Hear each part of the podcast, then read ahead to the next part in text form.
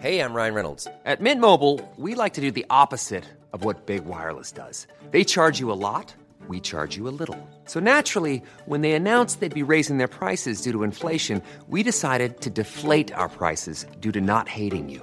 That's right. We're cutting the price of Mint Unlimited from $30 a month to just $15 a month. Give it a try at mintmobile.com slash switch. $45 upfront for three months plus taxes and fees. Promo rate for new customers for limited time. Unlimited more than 40 gigabytes per month. Slows. Full terms at mintmobile.com.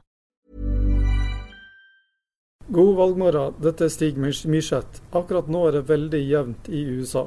Det sies ofte at hvis Biden vinner, så blir det skatteøkning. Hvis Trump vinner, blir det handelskrig. Det finnes likevel ett scenario hvor du kan unngå begge deler. Hvis Biden blir president og tar kontrollen over utenrikspolitikken, så slipper vi handelskriger. Men hvis det republikanske partiet klarer å beholde kontrollen over Senatet, kan de blokkere skatteøkninger. Det er mitt personlige valgutfall, og det at det er jevnt nå, øker sannsynligheten for et slikt utfall, etter min mening. Når det gjelder Oslo Børs og finansmarkedene, så vil valget selvsagt være viktig, men mye er allerede indiskontert og er ingen konkrete anbefalinger basert på valgresultatet alene. Det som jeg anbefaler derimot å følge nøye med på, er vaksiner. Eh, sannsynligheten er stor for at minst én koronavaksine vil få nødgodkjenning i USA innen utgangen av året.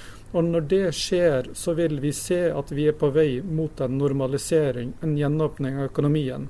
Og Da vil selskaper som tjener på det, få en reprising, etter min mening.